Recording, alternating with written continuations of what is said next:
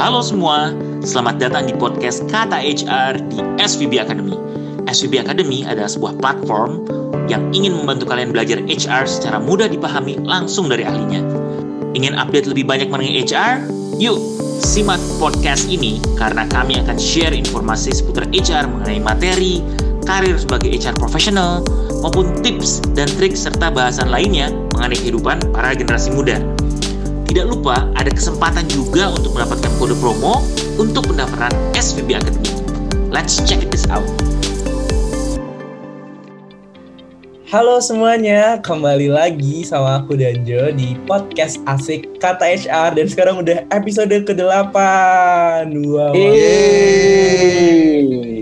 Oke oke, kali ini kita kita kedatangan dua speaker yang spesial banget. Yang pertama ada Uh. Mas Ebin. Eh, halo. Halo Mas Ebin dan yang selanjutnya Halo ada Dajo, ya teman-teman semua. Hmm. Wira. Halo Wira. Yeay. Hai Jo. Hai Jo, baik Alhamdulillah. Dan Jo apa kabar? Alhamdulillah luar biasa. Luar biasa mantap. Oke. Luar biasa mantap. Oke, ya. Eh, semoga teman-teman pendengar eh, podcast Kata HR hari ini juga sedang dalam keadaan yang sehat. Amin. Nah, pada topik kali ini kita akan berbicara mengenai em, sebuah isu yang mungkin nih timely banget nih lagi dihadapin sama teman-teman pendengar podcast Kata HR. Nah, kira-kira lebih baik untuk lanjut sekolah, lanjut S2 atau cari pengalaman kerja dulu nih. Wah, menarik banget nih gitu dan melihat background dari masing-masing speaker nih kayaknya ceritanya relate banget ya Mas Ebin dan Kawira gitu. Begitu kah? Menarik, menarik, menarik banget. Menarik. Oke. Ini oke. sebuah topik yang banyak jadi pilihan-pilihan eh, kegalauan, ya. Dilematika kak, dilematika. Dilematika, ya. bikin dilema banget nih. Oke, langsung aja nih Mas Ebin. Kira-kira nih, Ya. kalau dari sudut pandang Mas Ebin, lebih baik untuk cari kerja dulu, cari pengalaman dulu, atau langsung lanjut S2? Pastinya, pastinya tergantung, ya. Tergantung. Pastinya tergantung. Maksud gue adalah ada beberapa nih ya. Pertama, kalau misalnya MBA, Business Administration, kalau teman-teman Hmm. S2 MBA, ada baiknya kerja dulu. Hmm, kenapa? Karena biasanya MBA itu membutuhkan sebuah kayak memudah. Kalau kita udah pernah kerja, kita pun punya kayak konteks gitu terhadap pembelajaran yang di, uh, dipelajari di MBA menurut gue. Hmm. Kenapa? Karena biasanya ada business uh, information-nya, ada business situation, di mana kalau misalnya kita udah pernah kerja, biasanya memudahkan untuk kita, jadi belajarnya jadi lebih maksimal gitu. Itu sih menurut gue. Nah kalau yang linear uh, atau sifatnya ilmunya lebih lebih, menurut gue ilmunya tuh misalnya hukum langsung lagi atau misalnya sebuah uh, apa namanya teknik uh, fisika langsung terus lagi. Menurut gue mungkin it's okay, Master of Science gitu ya, mungkin itu bisa bisa bisa terus aja juga nggak apa-apa gitu. Jadi kalau yang banyak ada practical masternya itu banyak practicalnya banyak banyak mem- memerlukan kita untuk punya views mengenai practical knowledge ya ada baiknya kita kerja dulu kerja dulu atau ada ngerjain apa bisnis dulu atau apa baru kita mulai uh, S2 gitu. Tapi kalau misalnya kita science linear gitu-gitu terus lanjut aja sih menurut gue sih nggak apa-apa sih gitu. Itu itu itu pandangan dari gue karena uh, kerja sendiri me- me- me- menimbulkan sebuah sense yang nanti kalau misalnya emang kitanya sekolahnya sekali lagi kalau misalnya uh, relate dengan bisnis atau ada practicality-nya jadinya bisa lebih optimal belajarnya bisa lebih bisa lebih maksimal lah kita tuh jadi bela- pembelajarannya jadi lebih lebih lebih oke gitu Hmm. gitu Dajo kalau se- sekilas dari gue nih Oke, jadi satu hal yang bisa digarisbawahi adalah tergantung konteksnya gitu, tergantung background betul yang kita punya dan yang mau kita pursue juga nih. Kira-kira. PhD kah atau MBA kah itu Hmm. benar-benar harus Betul. ditergantungkan sama konteksnya gitu ya Mas Ebin ya. Hmm. Nah, kalau menurut Wira nih Ya. gimana? Nah, kalau aku juga setuju banget nih sama Ebin tadi ya. Jadi tergantung bener banget. Tapi kalau aku mungkin tergantungnya ada satu faktor lain yaitu karena aku sekarang sifatnya lagi sebagai pekerja gitu ya, sebagai karyawan. eh, aku ingin teman-teman yang mungkin fresh graduate atau sedang ingin eh, lulus gitu ya, untuk mempertimbangkan rencana karirnya itu mau ke arah mana kayak gitu.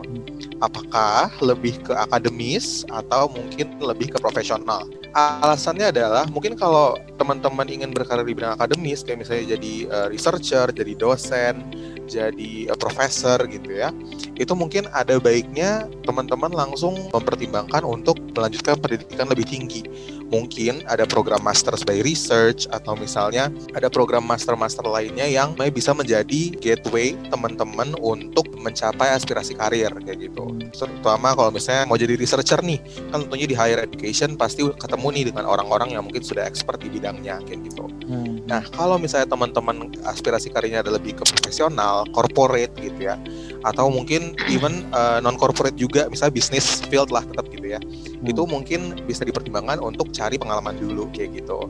Karena bener banget kata uh, Ebin tadi bahwa kalau orientasi kita memang tujuan kita kuliah uh, eh, S2 itu adalah untuk misalnya tuh kita higher starting position dalam pekerjaan gitu ya. I think itu masih bisa disuplemen kalau misalnya kita punya pengalaman yang lumayan mumpuni juga nih di bidang kerja kayak gitu. Misalnya, hmm. kalau misalnya teman-teman habis lulus terus kerja dulu, anggaplah internship beberapa terus misalnya kerja like one or two years kayak gitu. Itu bisa jadi pertimbangan juga nih untuk nanti pada saat admisi gitu ya. Kalau dari pengalaman aku sih ya, cerita dari teman-teman gitu. Dan juga beberapa program master, baik itu masters yang full time maupun yang part time kayak misalnya eksekutif uh, master itu biasanya ada yang menyaratkan minimal sudah punya pengalaman kerja sekian tahun kayak gitu karena apa kurikulum di dalam programnya itu memang ditujukan untuk orang yang seperti kata Ebin tadi gitu ya udah punya pengalaman kerja jadi konteksnya pun juga ada agak sedikit lebih advance lebih bisnis oriented kayak gitu Oke oke nice, jadi okay. selain background dan juga sektor ilmu yang mau kita pursue itu juga harus dipertimbangkan, yeah. tapi juga uh, fungsinya tuh nanti gimana kira-kira gitu ke depannya betul, gelar betul. master ini tuh mau kita pakai buat apa sih? Apakah uh, untuk menunjang kita dalam pekerjaan atau uh, justru kita mau menjadi scholars jadi praktisi dalam betul. higher education kayak gitu peneliti. Gitu. Hmm. Kalau menurut Wira nih, kira-kira semisal kita lanjut S2 dulu gitu apa sih keuntungan yang bisa kita dapat dan gak bisa kita dapat kalau kita langsung lanjut kerja? Hmm, oke. Okay. Uh, I think one of the most commonly mentioned gitu ya, orang-orang pasti sering bilang, kamu kalau misalnya S2 dulu, misalnya udah selesai gitu ya, masuk kerja, starting position atau misalnya starting salary lebih tinggi kayak gitu. Itu pasti memang menggiurkan sih. Hmm. Itu itu uh, betul gitu ya, dan juga mungkin ada beberapa position yang memang uh, untuk entry itu menyarankan uh, gelarnya harus masters kayak gitu. Betul. That's uh, apa namanya salah satu benefitnya nih. Kalau misalnya kita lulus langsung S2 dulu, terus habis itu baru kerja kayak gitu. Terus satu poin lagi yang aku lumayan sering apa namanya dengar baik dari teman-teman uh, kerabat yang mungkin lebih senior gitu ya. Dia bilangnya kamu tuh lulus uh, eh, S1 terus langsung kuliah lagi aja masih muda apa namanya hmm. otaknya mungkin masih fresh masih habis dari pembiasaan belajar selama sarjana gitu ya lalu ya udah S2 aja lanjutin dulu belajar dulu kayak gitu jadi itu sih mungkin dua hal yang bisa jadi benefitnya kalau misalnya kita langsung lanjut kuliah lagi setelah S sarjana betul betul betul okay, banget betul banget ya. Nah Mas Aibin mungkin ada insight tambahan kira-kira apa sih benefitnya kalau langsung S2 langsung? Tadi yang selain disebutkan oleh Wira ya jadi langsung bener. Beberapa S2 mau di dalam negeri mau luar negeri bahkan kan cuma setahun atau dua tahun gitu ya. Jadi mm-hmm. um, kalau kita bablasin aja ya kurang lebih dari ketika kita S1 tuh jadi ya nggak terlalu jauh-jauh juga. Dan begitu lulus kita udah nggak usah mikir lagi udah master atau belum karena kita udah bisa langsung full speed kerja. Itu itu juga jadi jadi nggak penasaran lagi nggak tahu pengen belajar apa lagi. Tapi hmm. jadi kita udah bisa fokus ke kerja aja gitu karena kita udah ilmunya kita udah lulu udah cukup udah cukup solid udah cukup cukup cukup inilah ya cukup tinggi gitu. Hmm. jadi dari sisi waktu beberapa master malah di Eropa cuma setahun atau even kurang dari setahun. Jadi bisa cepet bisa bisa bisa kita lakukan dengan lebih cepat. Nah, itu membuat kita bisa jadi fokus nanti ke, ketika kita uh, berkarir. Kalau misalnya kita pengen dunia profesional ya bukan akademisi atau misalnya scholar. Ya jadi mungkin kalau dari Mas Evin nih jadi intinya kalau kita langsung S2 nanti begitu kelar master kita bisa langsung gaspol untuk uh, betul. karir profesional. Langsung gaspol. Langsung gitu. gaspol gitu ya pokoknya bangun karir uh, sekuat mungkin. Sekuat mungkin, betul. Karena karena sebenarnya di banyak tempat juga ada yang tadi Wira cerita, ada yang ngaruh ya, mm-hmm. S2 atau even S3, ada yang nggak terlalu ngaruh. bukan nggak terlalu ngaruh sama sekali nggak ngaruh gitu Mhm. dan big companies juga gitu jadi eh, sehingga ketika lu udah master ya ya udah lu nggak nggak nggak usah ini lagi nggak mikir-mikir yang lain lagi lah gitu. jadi maksud gue adalah even lu S1 aja misalnya terus udah gitu belum S2 pun mungkin ada beberapa banyak sekali tempat yang starting salary-nya sama juga gitu gitu jadi eh, apa eh, mereka nggak nggak ngelihat lah apalagi udah di dalam organisasinya definitely yang dipikirkan banyak sekali itu lebih ke performance dari organizationnya rather than apakah lu S1, S2, S3 gitu. I see. Gitu sih dan Jo. Iya iya mas. Jadi memang kadang juga masing-masing dari kita kan ada unique values yang bisa di offer gitu ya. Betul. S1 gitu, tapi yang S2 juga uh, mereka punya S2, predikat S2, tapi kita juga punya pengalaman kerja misalkan. Nah, Hmm. ini mungkin salah satu benefitnya nih. Kalau kita langsung uh, lanjut untuk cari pengalaman kerja gitu. Kalau menurut Mas Ebin nih, apa aja sih uh, benefitnya, benefit lain? Semisal kita cari pengalaman kerja dulu, baru S2-nya nanti. paling pertama eh, akselerasi karir juga ya karena kita mulai lebih cepat jadi mungkin ya jadi karir kita ketika yang lain baru selesai kuliah kita udah ada di sebuah tempat yang eh, mungkin kita udah punya pengalaman nih gitu ya Mhm. itu satu jadi dari sisi pengalaman kalau selain dari pengalaman kalau misalnya kita sekolah dulu ya itu tadi eh, kita punya eh, structured eh, dan eh, perspektif dari practical. Dunia bisnis dunia eh, teori apa dunia praktis itu seperti kayak gimana ya. Jadi ketika nanti kita sekolah lagi kita bisa lebih relate dan oh maksudnya si ilmu ini tuh relate ini loh kalau misalnya di praktikal. Oh ilmu ini tuh atau diskusi ini tuh ternyata kayak gini loh gitu. Sehingga kita bisa lebih solid lagi eh, ketika nanti eh, master gitu karena kita udah cukup ngerti oh ini tuh bentuknya seperti kayak gini ya oh berarti ini bisa ini ya bisa ini ya gitu.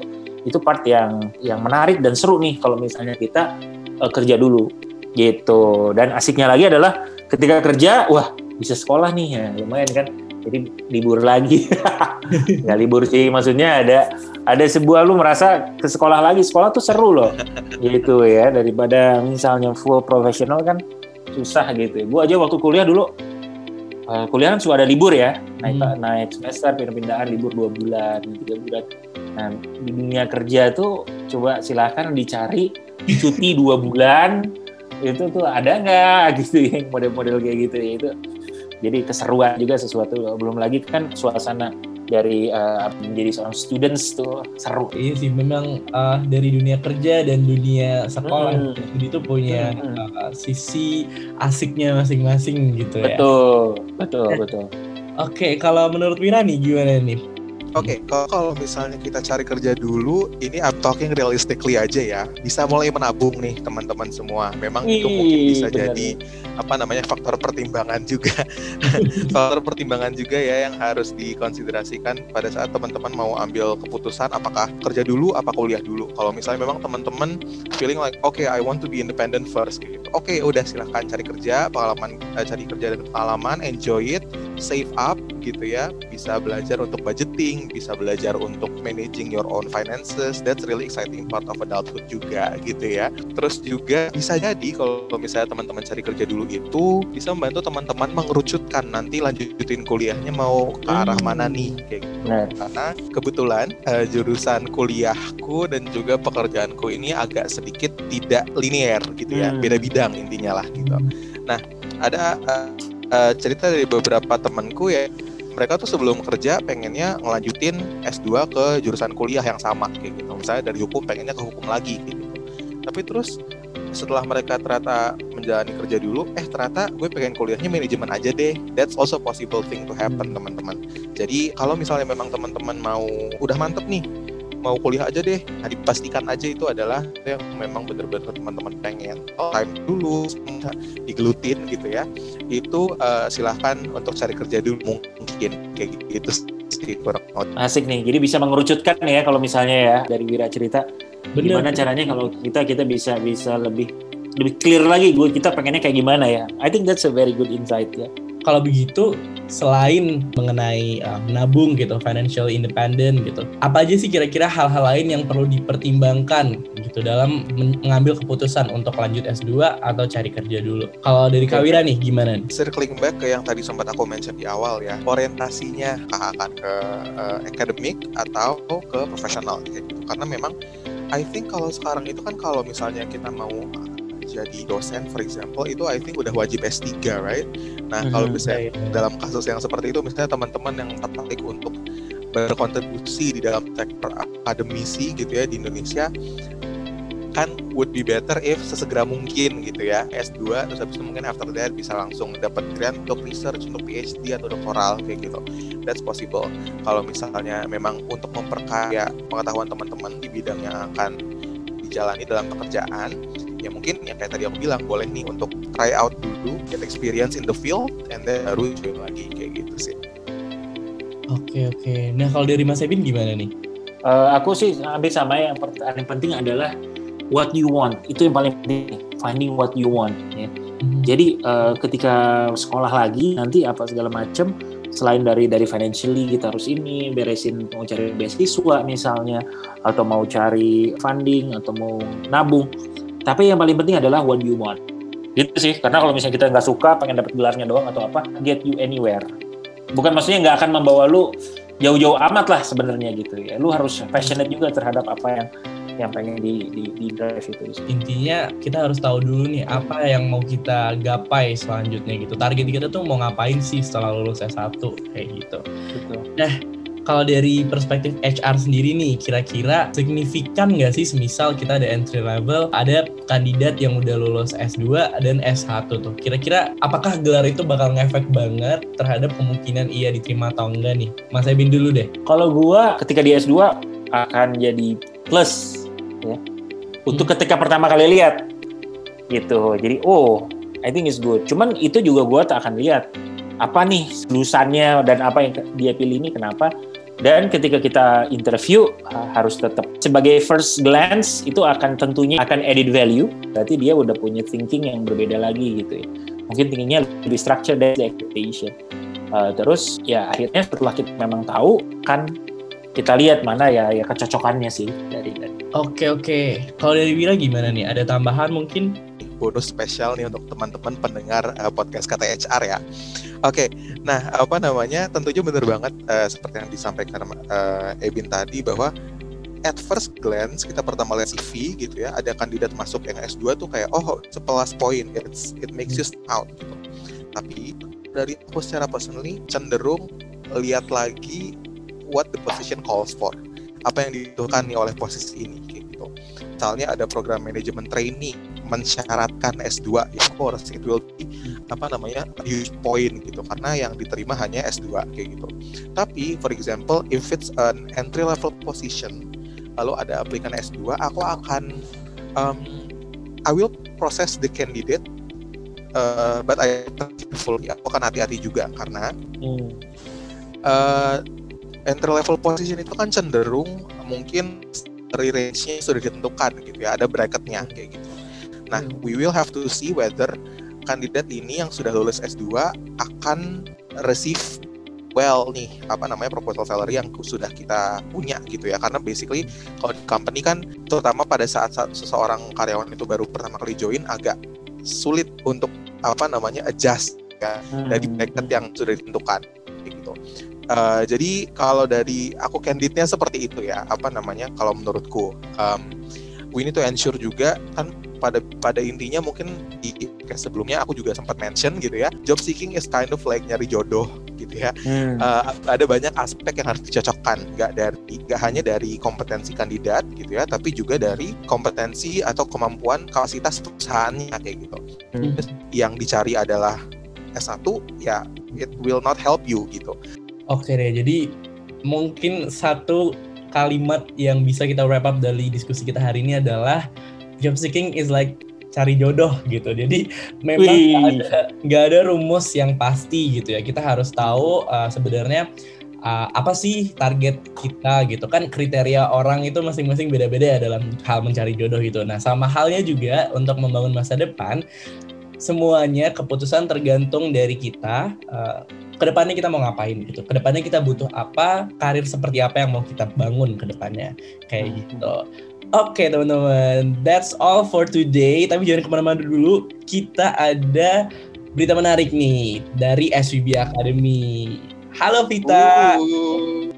Hai teman-teman semua, kembali lagi dengan Vita dari tim SVB Academy. Setelah lama nih kita udah nggak ketemu di podcast Kata HR, hari ini aku nimbrung teman-teman nih untuk join di podcast gitu. Jadi hari ini aku mau mengumumkan nih dengan apa sih informasi menarik yang ada di SVB Academy gitu.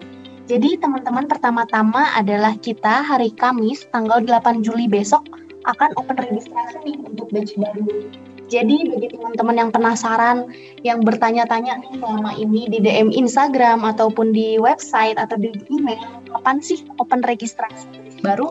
Kita besok akan buka nih untuk batch baru gitu. Nah, teman-teman kalau misalkan masih belum percaya seperti apa sih fasilitator dari SVB Academy, teman-teman bisa juga nih untuk cek profilnya di website kami svbacademy.com. Selain itu, teman-teman juga bisa nih cek di website kami mengenai testimoni dari para peserta SVB Academy. Di situ teman-teman peserta menceritakan pengalamannya belajar HR di SVB Academy yang tentunya asik banget gitu. Nah, teman-teman setelah ngelihat testimoni, kalau misalkan masih kurang kebayang nih seperti apa sih belajar keseruan di SVB Academy, itu teman-teman bisa juga nih untuk cek video yang ada di website kami itu teman-teman bisa lebih terbayang seperti apa sih keseruan belajar HR di SBB Academy dan bisa lebih merasakan gitu ya sensasinya belajar HR gitu. Nah, tapi kalau misalkan ternyata teman-teman masih ragu nih dengan itu misalkan ya, teman-teman masih ragu, teman-teman boleh banget nih untuk coba daftar di kelas gratis SVB Academy yang ada di website kami gitu. Nah, nantikan ya teman-teman untuk kelas gratis ini akan kami buka di tanggal 8 Juli 2021 pukul 11 pagi. Jadi teman-teman kalau misalkan mau coba kelas gratis, boleh nih join di besok mulai pukul 11 pagi di tanggal 8 Juli 2021 gitu. Jadi di sini teman-teman dipastikan nggak aman lagi nih ngerasa ragu seperti apa sih belajar HR di SVB Academy karena teman-teman selain belajarnya asik, teman-teman juga bisa mendapatkan keseluruhan materi HR, teman-teman juga bisa dibimbing langsung oleh HR expert, dan teman-teman juga bisa belajar secara teori dan tentunya praktik juga gitu karena ada case study dan pilot project yang akan dijalankan oleh para pesertanya gitu. Oke, segitu aja informasi menarik dari SPB Academy. Kami tunggu teman-teman untuk mengikuti kelas gratis SVB Academy dan kami tunggu teman-teman untuk menjadi peserta SVB Academy Batch 11. Terima kasih teman-teman. Sampai jumpa lagi. Oke, terima kasih Vita atas informasi menariknya. Nah, tuh tunggu tunggu apa lagi teman-teman? Langsung aja follow dan pantengin Instagramnya SVB Academy teman-teman juga bisa langsung untuk uh, cek berbagai informasi tadi di website kita yaitu svbacademy.com. Oke, tunggu apa lagi teman-teman? Let's check it out dan terima kasih udah mendengarkan podcast Kata Secara episode kali ini. See you soon dan sampai jumpa. Terima kasih semuanya. Sampai jumpa. Bye bye. Sampai jumpa.